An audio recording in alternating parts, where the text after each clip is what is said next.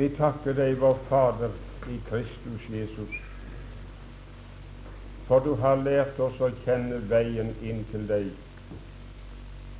den vei du har gitt oss ved din Sønns dyrebare blod.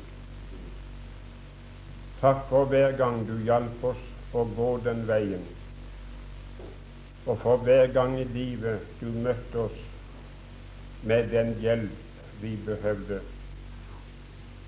Takk for du er rik nok for hver den som påkaller ditt navn, også i denne stund.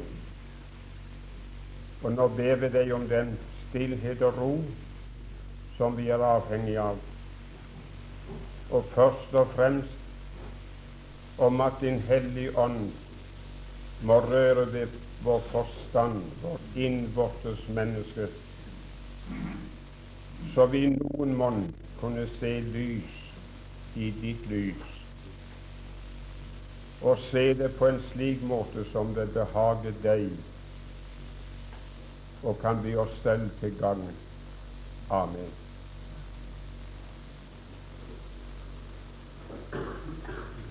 Nå går jeg ut fra å regne med at dere har lest de bibelstedene som jeg ga opp i formiddag.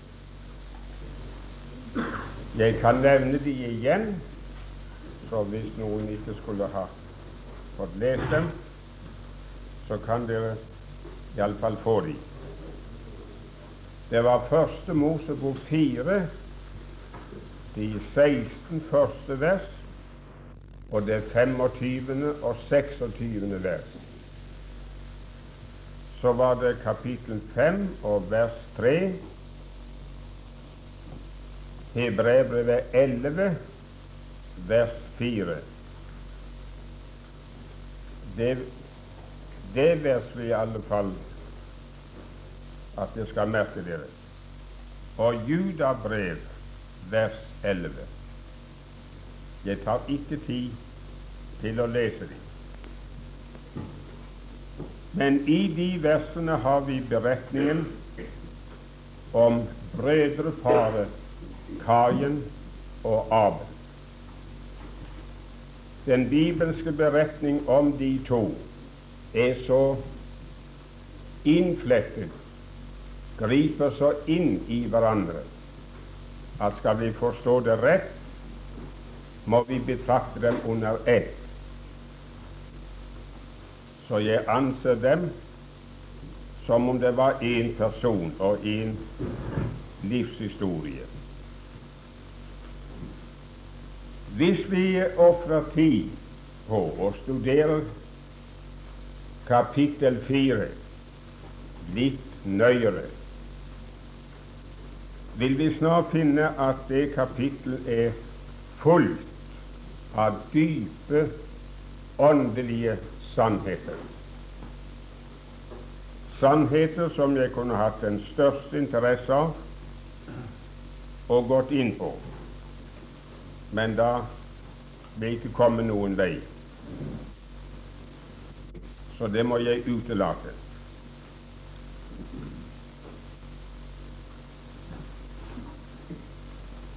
Jeg vil ganske enkelt først, rent skjematisk, gjøre oppmerksom på, rent eksempelvis, at vi i Abel har en type på Kristus Jesus. Det er mange ting som vitner om det. Jeg nevner bl.a. det står om Abel at han var en hyrde.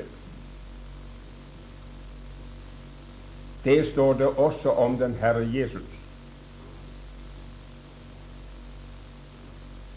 Dernest så finner vi intet sted i Skriften at det er sagt noe ondt om Abel.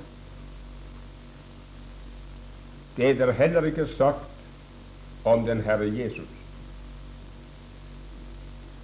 Og for det tredje Abel han var hatet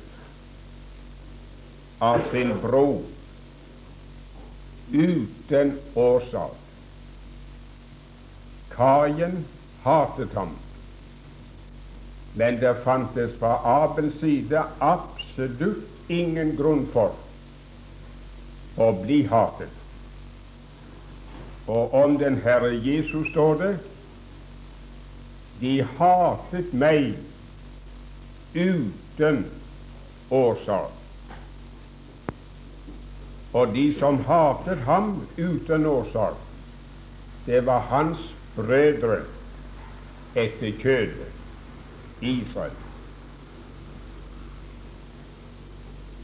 Så står det om Abel at han ble slått i hjel av sin bror, sin kjødelige bror.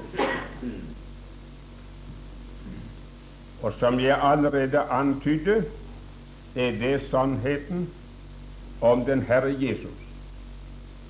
Hans kjødelige brødre etter kjødet, hans egne som han kom til, og som ikke tok imot ham, slo ham i hjel, akkurat som Kajen slo Abel i hjel. Men dernest så er Abel også en type for troende mennesker. Og det er nettopp fordi det står om ham. Det finner de i de vers jeg har fått, selv i brevbrevet. Han blir rettferdiggjort ved tro. Det er ethvert frelst menneske. Så jeg kunne spandere tid på å vise noe av det fra hans liv, og finne det igjen i vårt liv. Nå bare nevner jeg det. Og dernest så står dette brødreparet som en type på den troendes to naturer.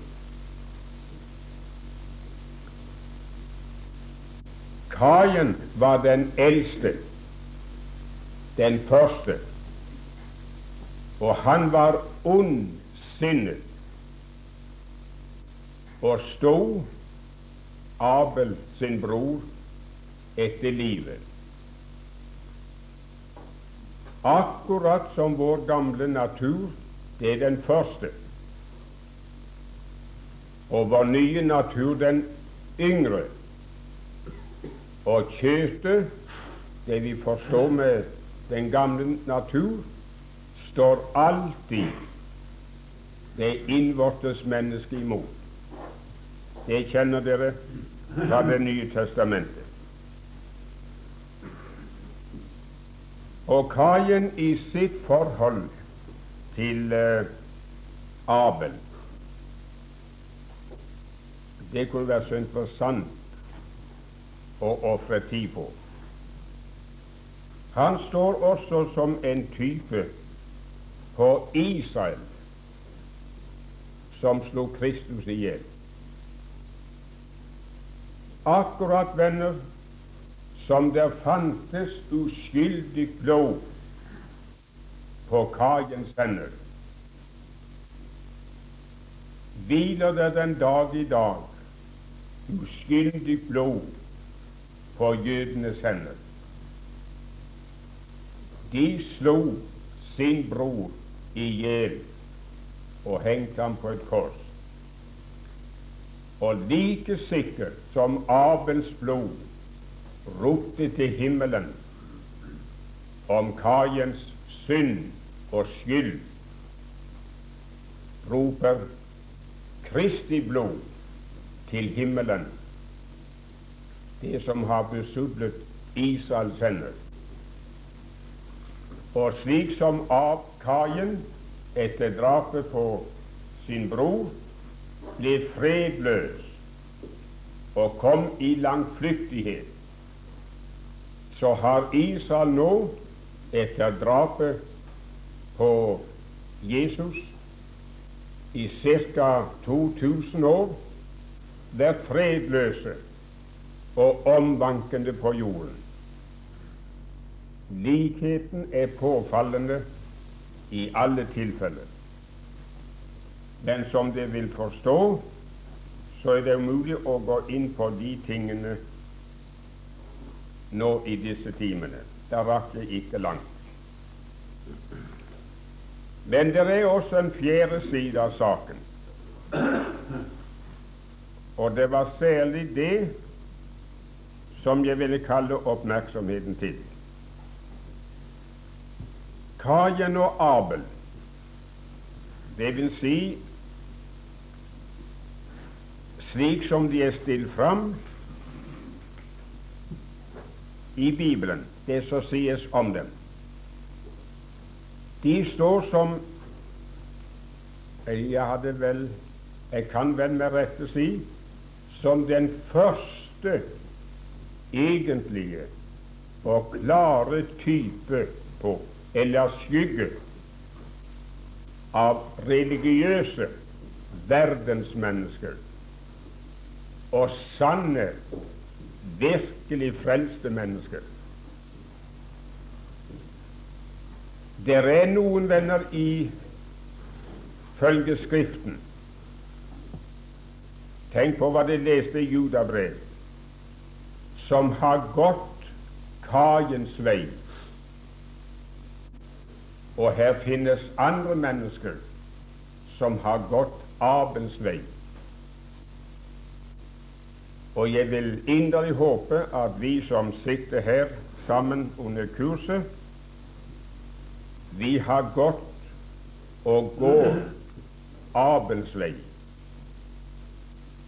Og det er egentlig ingen annen, andre veier å velge imellom for religiøse mennesker.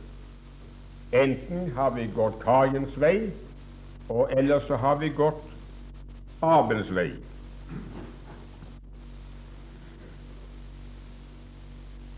Nå vil jeg først be dere å legge merke til en likhet mellom de to brødrene. Jeg bruker ikke mange ord på det, men jeg legger svært meget inn i de ordene som jeg bruker. For det første så var begge to født utenfor eden. Begge to. Adam avlitt ingen barn før han var en fallen synder. Og like så sikker som synden har trengt igjennom til alle mennesker, og synden kom inn i verden ved ett menneske, så kom den inn også for de to brødrenes vedkommende de danner ingen unntakelse. Og like sikkert som Kain var født utenfor etter at Gud hadde drevet hans foreldre ut, like sikkert var Abel født utenfor. Så i det stykket var de like.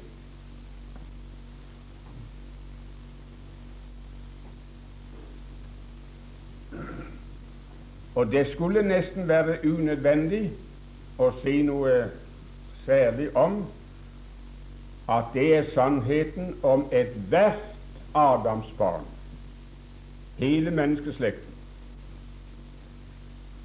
Paulus han skriver til Efeserne i Efeserbrevet 2 og fra vers 11 og ber dem om at de skal komme i hu hvordan det var fatt med dem før de blir gjenfødt og gjort åndelig levende, og sier da i vers 12 at dere på den tid sto utenfor Kristus.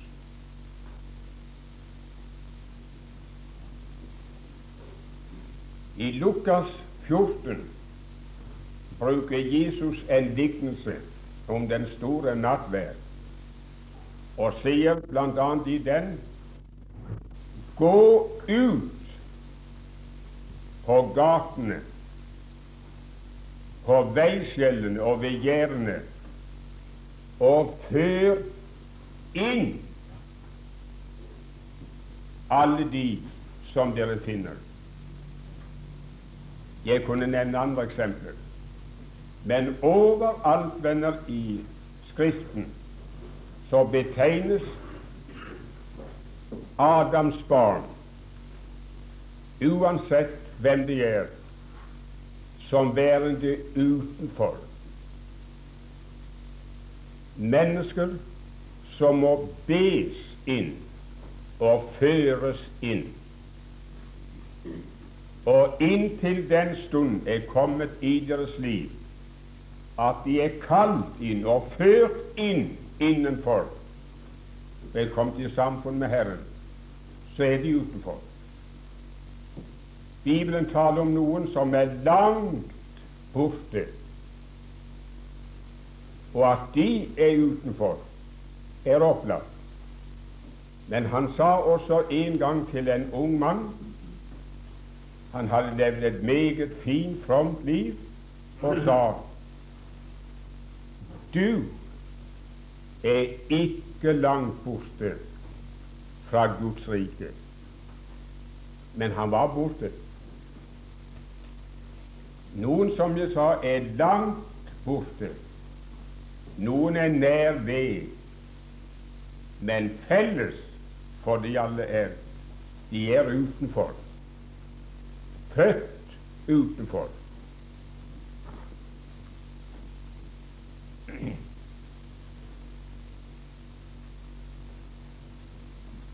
Og av dette ene forhold skulle det være klart, og det var hva jeg ville få fremheve, at Abel hadde absolutt intet menneskelig naturlig fortrinn framfor sin bror. Ble det bedre fatt med ham? Ble han et frelst menneske? Et rettferdig menneske, gikk det ham vel, så hadde ikke det sin forklaring og sin årsak i at det var noen forskjell mellom ham og hans bror. Det kunne ikke tilskrives ham. Han var født utenfor og hadde samme, samme syndige, urene arv som enhver annen har.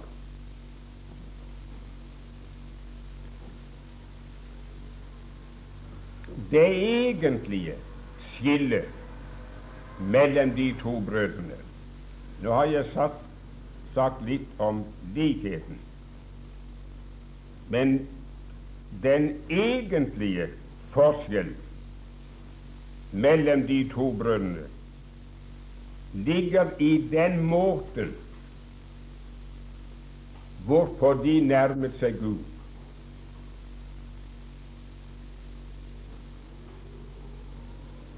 Det kunne være at det var flere ting som de var forskjellige i. Men den egentlige forskjell, og det som vel har skilt dem for tid og evighet, det var i måten som de nærmet seg Gud på. Begge hadde interesse av å nærme seg Gud. Av hvilken grunn kan jeg ikke akkurat direkte påvise. Men når de gjorde det, så gikk de hver sin vei. Tok det hver på sin måte.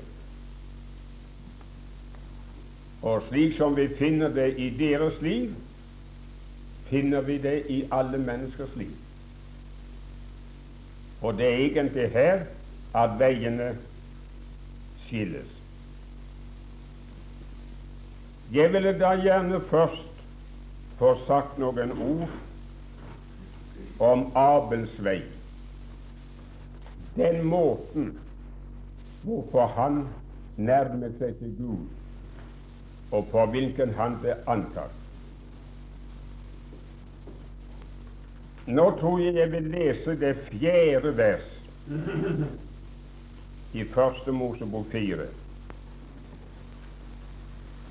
Og Abel bar fram Nei, og Abel bar også fram et offer som han tok av de førstefødte lam i sin jord og deres fett.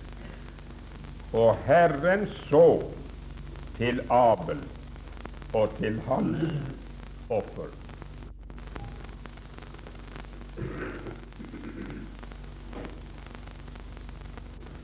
Han tok et offer av sin jords førstefødte, sin jords lam, og så bar han det fremfor Herren. Og da er det først å si at Abels vei, den er merket av blod.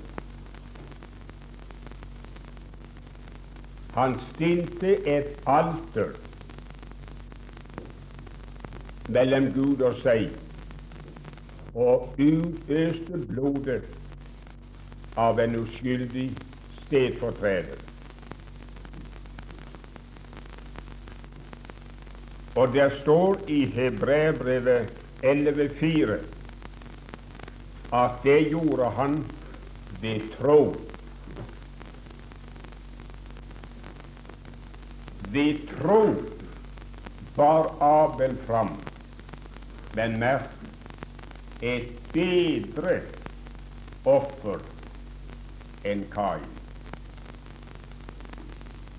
Og offeret han bar fram, det leste vi her, det var sin jords førstefødte. Han utøste blod.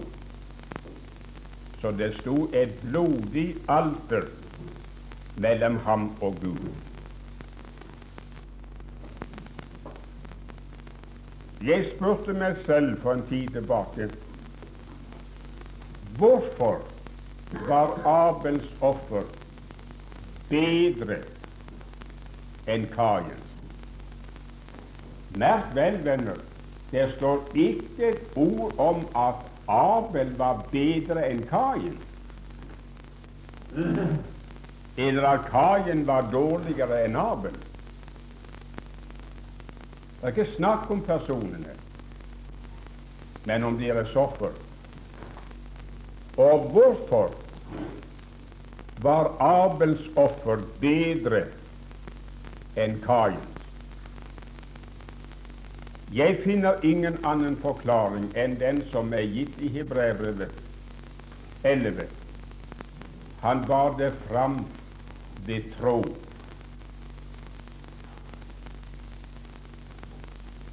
Det var hans tro som dikterte ham å ta de lammene. Men hvis Abel har trodd,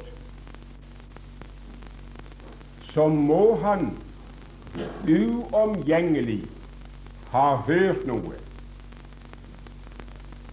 for all tro kommer av hørelse.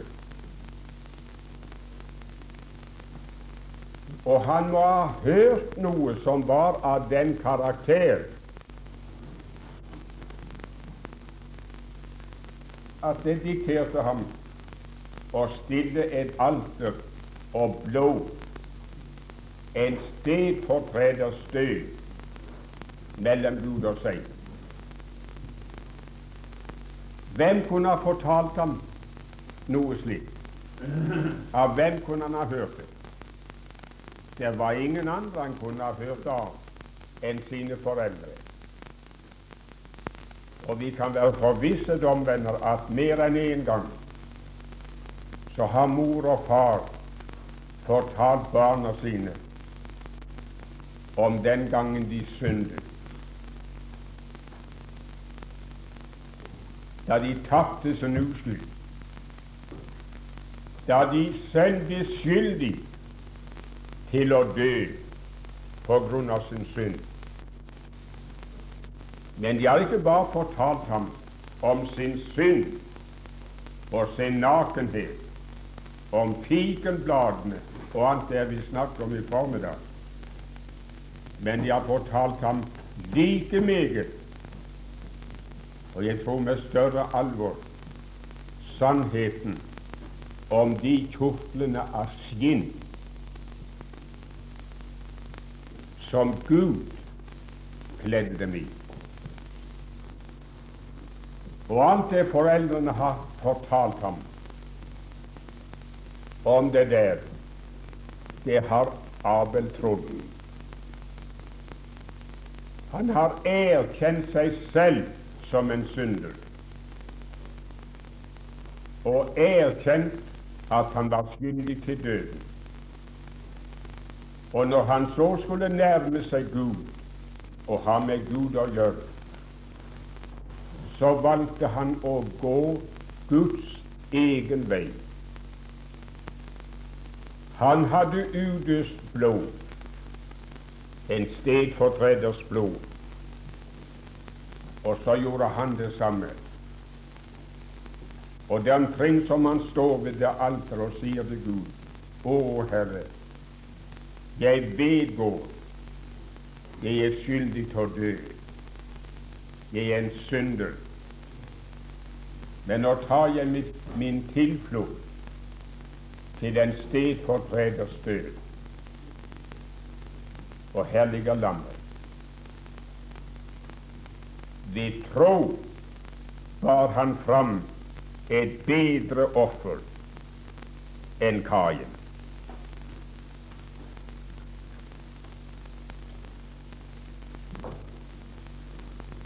Og det kan ikke sies enklere eller på annen måte når vi snakker om Abels vei, enn at han tok sin tilflukt til en stedfortreder, en stedfortreders død.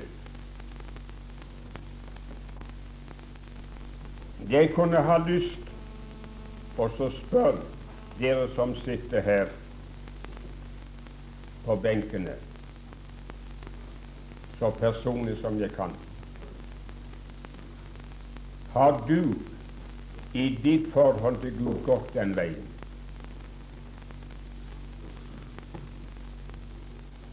Jeg spør ikke selvsagt om du i bokstavelig forstand har slaktet et lam og trøstet deg til det. Det vet jeg du ikke har gjort. Men jeg mener om du har gjort det åndelig, om du i ditt sinn, i din ytterste nød og nakenhet, har tatt din tilflukt til det du har fått visst om Jesu Kristi død. Han som er Guds lam, som ga sitt liv i stedet for ditt liv. Om du har gjort det, så er du en av de som har gått arvens vei. Og du har gjort det ved tro. Det du har fått høre om ham, jeg kunne ha sagt det du har fått høre om din synd, din tilstand og om den Herre Jesus. Det har på en annen måte smeltet sammen med det vi tror. Og så har du ingen verdens ting for til som du kunne trøste deg til. Men du har klynget deg til det som han gjorde i ditt sted det å ha gått Abels vei. Og hvis det finnes noen ting som jeg selv vet om har vært sant i mitt liv, så er det at jeg har gått den veien. Jeg husker første skritt jeg tok på den veien i 1905. Og helt fra den tiden og til i dag har jeg gått samme vei. Etter over 50 års kristen liv har jeg absolutt ingen annen ting å trøste meg til og stille mellom Gud og meg enn det jeg har fått visst om Hans død og blod. Og jeg trenger heller ikke noe mer. Jeg har nok med det. Det samme det er tilfellet også for deg. Men jeg vil gjerne få understreke det uttrykket når det står at Herren så Herren så til Abels offer. Men han så ikke til Kain. Han så til Abels offer. Og fordi han bar det fram ved tro, erklærer Skriften ham for å ha blitt rettferdig. Og nei og nei, godt folk, hvor godt det gjorde meg.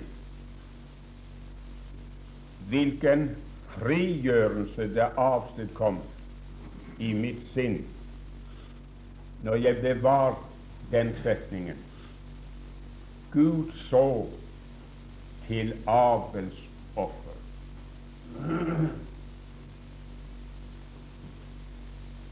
Ikke til noe annet. Her var det ikke spørsmål om personer, men bare spørsmål om personens offer. Kan hende at Abel var en snill god gutt, vennlig og mild, et sånn silkemenneske du kunne snu om fingeren, som ikke støtte noen. Kan hende han var et sånt prakteksemplar av et menneske. Der står ingenting om det. Men selv om han var det, så så Gud ikke til Abel. Det kom ikke i betraktning når han skulle bli rettferdiggjort. Men Gud så til Abels offer, og det var tilstrekkelig. Jeg har på så mange vis hatt med svært mange troende mennesker å gjøre. Av min, min uh, stilling som predikant. Jeg har hatt med tusenvis og gjort muntlig og personlig, og med enda mange flere skriftlig. Det er ikke sjelden jeg sitter hjemme og må sende opp til åtte-ti brever på én dag til mennesker omkring i landet som skriver, og som er i mørke og nød og vanskelighet. Vi skulle i grunnen ikke tro at her var så mange ulykkelige troende mennesker i landet som her er. Men her vrimler av det. I den ytterste nød. Jeg kunne nevne mange eksempler, men så går tiden ifra meg. Den siste jeg hadde med å gjøre, en helt fremmed, ukjent mann for meg, var en lærer langt nord i landet. Han hadde slitt seg nesten til døde med sitt helliggjørelsesliv. Og når det hadde mislykkes, så kom han i tvil om sitt gudsforhold i det hele tatt. Levde under ytterst vanskelige forhold i sitt hjem. Senseren han hadde og har en forferdelig vanskelig karakter, et hastig sinn og, og, og sta i sitt vesen. Og det, sier han, har jeg arvet ifra min far. Og far har ingen interesse for kristendom, og ikke mor heller. Og så er det uunngåelig far og jeg, vi tørner sammen. Og så det er nederlag. Stakkars mann. Men jeg kommer etter, venner, at all den uro, all den utrygghet, all den uvisshet som mange troende mennesker lever i når det gjelder deres frelse, deres forhold til Gud, bunner i at de ikke har sett akkurat den der hemmeligheten jeg nå snakker om. At Herren så til hva? Til Abels offer. De tror, min venn, av en annen grunn, og jeg tror en stor prosent av den vanlige forkynnelse i landet er årsak til det. Men av en eller annen grunn så er de kommet til at Gud ser etter noe annet. Han leter og speider etter noe annet for å godta dem. Og så leter de etter det hos seg selv. De forestiller seg at Gud sitter på en stor trone i himmelen med disse øynene som er som ildsluer, og så nitstirrer han ned her på jorden for å se hvordan du er, og hvordan du ikke er, hvordan du føler, og hvordan du ikke føler, som du skulle være, og som du ikke er. Og så er du klar over, min venn, han finner ikke noe sånn som han kan være tilfreds med. Du kan ikke være tilfreds med det. Det tilfredsstiller ikke engang dine krav, og langt mindre hans krav. Og når du har prøvd og forsøker å få alt dette her til som Gud må ha ved siden av å se på, så går det et stykke for deg. Så frykter du, og så tviler du, og så reddes du. Så det er ingen ro. Jeg vet, min venn, av, dyp egen erfaring og av så mange andres erfaring at i selvsamme øyeblikk den hellige ånd kunne få vise deg denne hemmeligheten. Herren så til Abels offer, ikke til ham, og ikke til noe han hadde prestert, ikke til noe han hadde vært, ikke til noe han var, og ikke til noe som helst han i fremtiden kunne bli. Han så til hans offer. Med det var Gud fornøyd, og med det var vel berget. Og der, venner, har denne gamle mannen som står her, funnet fred. Så han til meg, så var det intet håp.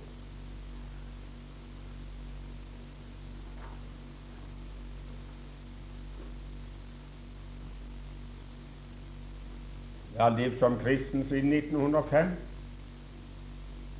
og jeg har talt Guds ord for andre siden 1907.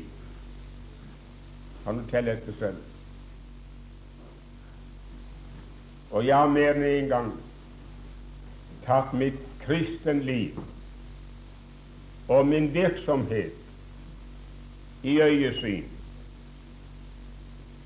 for å finne noe som kunne tale til min fordel, som jeg kunne trøste meg med. Og inntil i dag, godt folk, finnes det ikke én ting. Det reneste og beste, det som mennesker taler vel om i mitt liv, det finner jeg besmittet når jeg kommer inn i Guds nærhet med det. Og på terskelen til evigheten, hvor jeg var, der brente alt opp. Det er ingenting å trøste seg ved. Men uh, så holder jeg meg der. Herren så til Abels offer. Og jeg har intet annet offer enn Kristi offer. Og hans stedfortredende død er tilstrekkelig for Gud og skal derfor være tilstrekkelig for meg.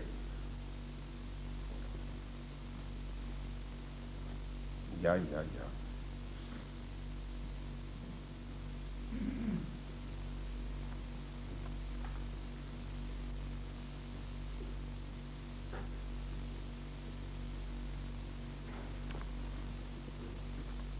Det får være nok om hans vei. Og så bare noen ganske få ord om Kaiens vei.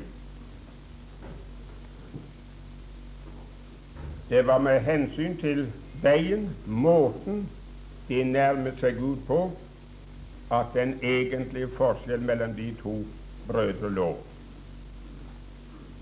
Da har jeg nevnt lite grann om Abels vei.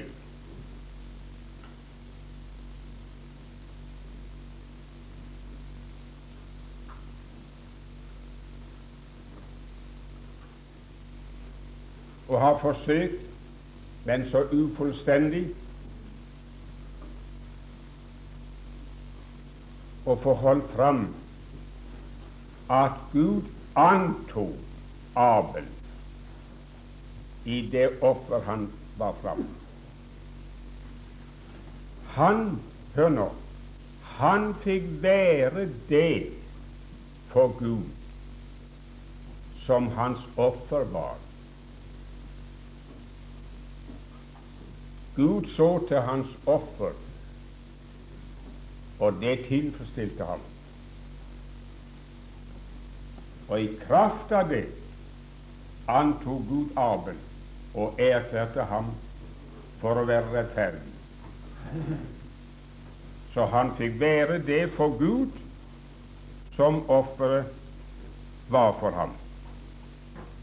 Og nettopp slik er det for enhver annen som har tatt sin tilflukt til Kristus. Der Han er blitt oss fra Gud. Det er vi for Gud. Han som ikke visste av synd, ble gjort til synd for at vi i ham ikke noe annet, men for at vi i ham skulle være rettferdig for Gud. Men det er ordet for svakt.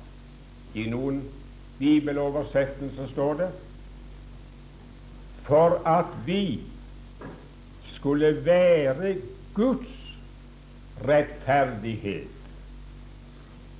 i ham. Og når en fullkomnere renhet, uskyld og uanklagelighet eksisterer ikke enn Guds egen.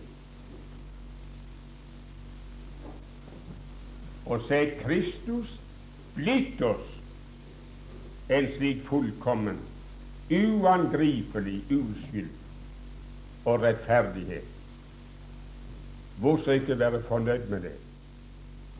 Kjære menneske, når Gud er fornøyd med det, hvorfor kan så ikke du være fornøyd med det? Når Gud ikke ser etter noe annet enn det offer han ga deg, hvorfor leter så du etter å finne noe annet? Hvordan var så kaiens vei? Om han står det at han bar fram for Gud av jordens grøde.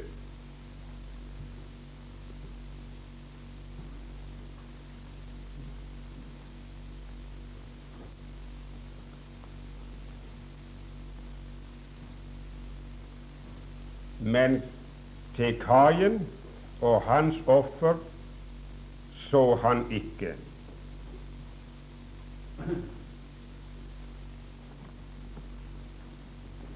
Han hadde et alter.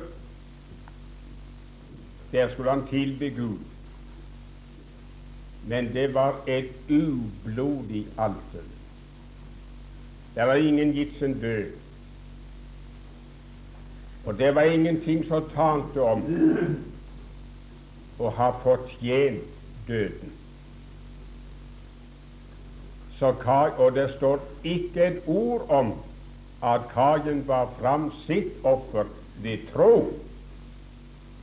Det var jo helt umulig. Det kunne han ikke gjøre. For verken hans far eller mor hadde fortalt ham noe om at de selv ble berget av Herren ved å bære fram noe av jordens grøde. Da er ikke å snakke og trodde ikke på det. Det han gjorde, det var å bære fram frukten av en forbannet jord. Jorden skal være forbannet for din skyld, var det sagt hans far. Hadde Kajen trodd noe sånt, ville han aldri ha lagt et slikt offer på alteret. Men det var noe annet han hadde bitt merke i, og det var det at Herren har sagt til hans far du skal dyrke jorden. Du skal dyrke jorden og gjøre deg jorden underdanig. Og han var gardbruker, akerdyrker. Og så har han levd etter det. Så han vært ute på marken og åkeren vår, sommer og høst og strev og svettet, anstrengt seg til det ytterste.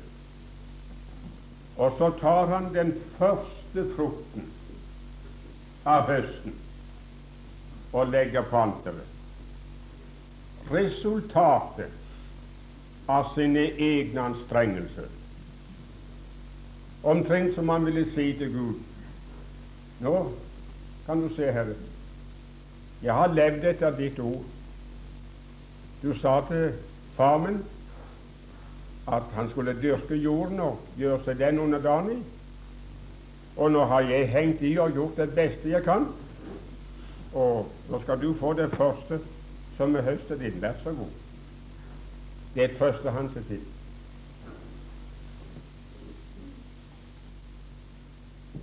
Og de menneskene i verden som har gått Kaiens vei, det er de godt folk. Og det er ikke de dummeste av menneskene på jorden som bærer frem for Gud frukten av sitt eget liv. Det de har evnet å prestere når de har gjort rett i handel og vandel, ofret seg for uh, andre menneskers goder og gjort det så sosialt godt for uh, sine medmennesker som er nødt og vanskelig som de kan, så har de levd etter bergprekenen så har de elsket nesten som seg selv. Så har de levd som Jesus levde, og som han anbefalte oss å leve. Og så slår de seg til ro, akkurat som uh, en meget kjent mann, Albert Schweitzer, kom til ham og til mange av hans klasse og si at han ikke er en kristen. Han som ofrer seg sånn for andre menneskers venn og tar seg av andre menneskers nød, så skulle ikke han være en kristen. etter hans egne uttalelser og den har skrevet, så tror han neppe at det eksisterer en Gud. Men har ikke bruk for noen frelser, noen stedfortreder. Han tar, og mange med hans likesinnede, de tar resultatet av sine egne anstrengelser, av markens grøde, og presentere for Gud. Kan ikke det nå få verdi godt som land? Hvorfor skal nettopp blod ha større verd for Gud enn det et menneske selv har stridd for? Nå venner det å gå den veien, det var noe som Kajens egen fornuft tilsa ham. En slik vei hadde ikke Gud anvist. Og en slik vei hadde ikke hans foreldre anvist ham. Men når han tenkte på forhånd alt det her, så fant ut at det må, det må klare seg. Det må være like godt så, så det broren holder på med. Og dermed var Kajen den første rasjonalist i verden som fulgte fornuften og som ikke gikk troens vei. Det var en folkehøyskolelærer her i landet for noen år siden som skrev om Ludvig Hope. Da levde han og var nesten i sin velmakt. Han var begynt. Og ellers og Dale. Han skrev i et blad følgende Jeg lærte det utenat og husker det. Hope en mye god og from kristen, men en stor heidning. Så skjønte han selv at det der var en vanskelig kombinasjon. Det trengte litt forklaring, og så fortsatte han. Han er en mye verre heidning enn de heidningene han misjonerer imellom. For de heidningene, altså kineserne, de hev òg guder. Men de gudene er såleis laga at de krever å få se rødt, altså blod, for å være nådige. Men den guden når Hopet da, er han stort likevel? Nei, han er mye, mye verre. For han krevde ikke bare å få se rødt for å være nådig. For etter Hopes lære hadde han fått sett rødt i mange tusen år, men var like brei han ble ikke nøyd før han fikk se blodet av sønnen sin.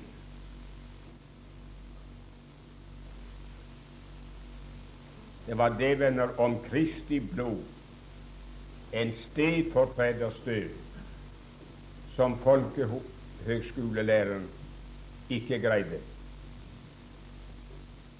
Og det er det som er korsets anstøt den dag i dag. At man skal ta og bære fram det aller beste et menneske kan prestere. Og så ser ikke Gud til det der. Ta ikke hensyn til det. Vrake det. Det skulle være måte på. Det står om kaien at da, da han så det, at Gud så til Abels offer, men ikke til hans, så blir han bred. På svensk står det hans øye blir mørkt. Ja, men da blir det mørkt. Da slukner alt lys. Og så slo han sin bror i hjel. Gikk angrep på ham. Og det er mange som går Kaiens vei, har intet bruk for Kristi kors og for Hans forsonende blod. De vil gå under med Koras fordervelse, som de leser i Judabrev. Jeg har bare én ting, og det må jeg nevnt, for jeg setter meg. Men dessverre, jeg har brukt så mye tid at jeg får ikke sagt om det det som skulle være sagt. Det er en hemmelighet ved Abels alter og hans offer.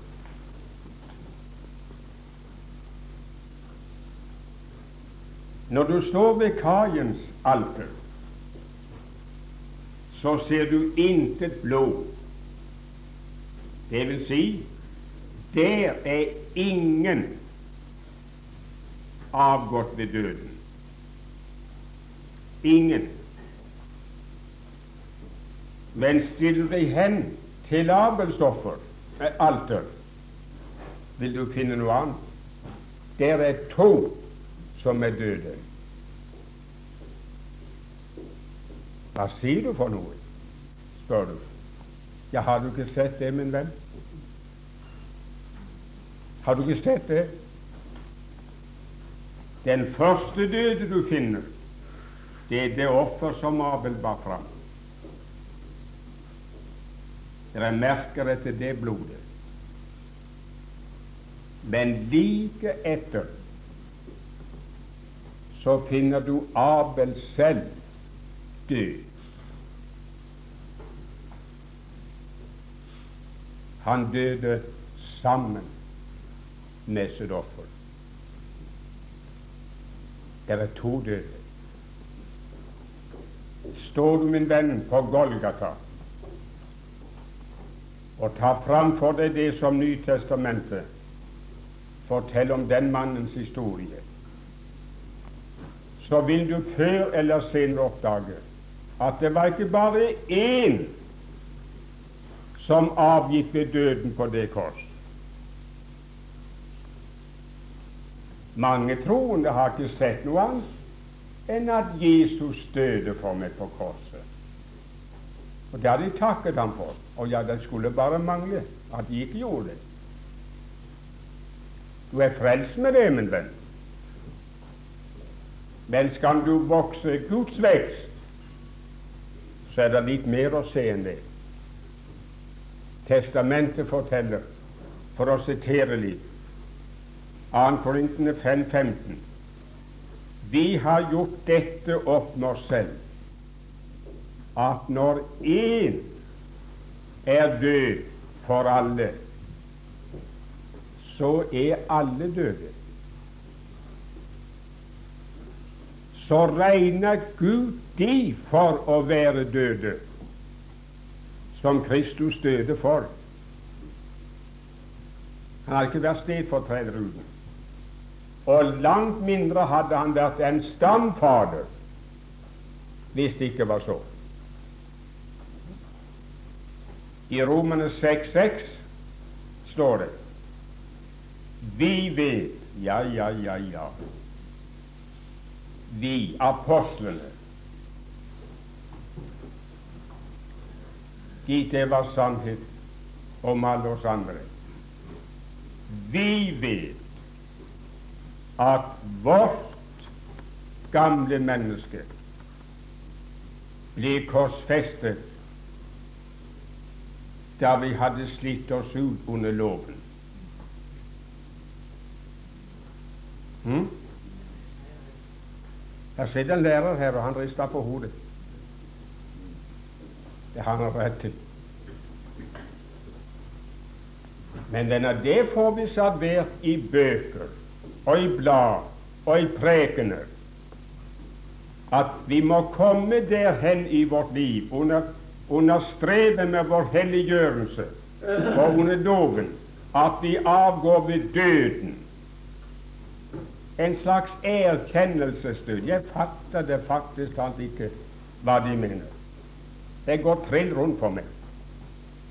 Men der skal de slite seg ut og avgå ved døden, og så er de fri. Andre de preker stolpe opp og stolpe ned at de må se til å få korsfestet det gamle mennesket. Ja, ja, kjør i vei, min venn. Jeg skal hilse og si det, du skal ikke bli arbeidsledig det første året. Nei, nei. Nei, min venn, det står intet sted i testamentet at det gamle mennesket skal korsfestes. Da kan du prøve nå i dødbaugen om det kan finne et sted hvor det står, og så kom og vis med det. Skal ta deg i neven og takke deg for det hvis du kan. Skal gjerne få fem kroner for det også. Venner, det sted fins ikke i Skriften. Men du vil finne et sted hvor det står at de som har tatt imot den Herre Jesus, har korsfestet kjøttet med deres dets begjæringer. Og der i Romerne 6,6 står det vi vet at vårt gamle menneske ble står ikke det skal, men det ble korsfestet med ham. Den korsfestelsen er ikke en erfaringskorsfestelse, en erfaringsmessig død. Men det er en død som er avgått i en annen person. Det er en juridisk død. Og så er det en troesak å regne med jeg har fått min død i Kristi død. Og Paulus han sier i Galaterbrev 22.: Jeg holder på å korsfeste meg hver dag. Og den har kampen. Nei, min venn, han gjør ikke det. Han sier 'Jeg er korsfestet med Kristus'. Og jeg lever ikke lenger selv. Den gamle historien, den er slutt. Kristi kors, min venn, det var punktum finale for det gamle menneskets historie. Jeg lever ikke lenger selv, men Kristus lever i meg. Og det liv jeg nå lever, det lever jeg i troen på Ham som elsket meg og ga seg selv for meg. Venner, det, det er den mest frigjørende og den mest viktige sannhet som du har å se og komme til erkjennelse av, at du selv avgikk ved døden i Guds måte å regne på for 2000 år siden. Det er noen underlige folk. Men uh, det er noen som ser fram til dommedag og preker om dommedag, og Gud vet hva tid den kommer. Noen tror den er ganske nær, noen tror den er mangfoldig og langt inn i tiden. En skrev at Kristus kom ikke igjen til doms før om 50 000 år. Vel bekomme. Kommer han ikke før, så kommer han aldri. Men det interesserer meg ikke. Jeg ser ikke frem til dommedag, og jeg ser ikke frem til min dødsdag. Nei, nei, nei, nei. Det kunne ikke være noe å se på. Men jeg snur meg helt om og ser tilbake til min dommedag og min dødsdag. Jeg ser 2000 år ned i tiden, og der ser jeg meg i en ny stamfader. Og i ham fikk jeg den død jeg hadde fortjent som et Adams barn. Og den dom som skulle ha gått over meg, den gikk over meg der. Og for den som nå er i Kristus Jesus, er det ingen fordømmelse. Amen.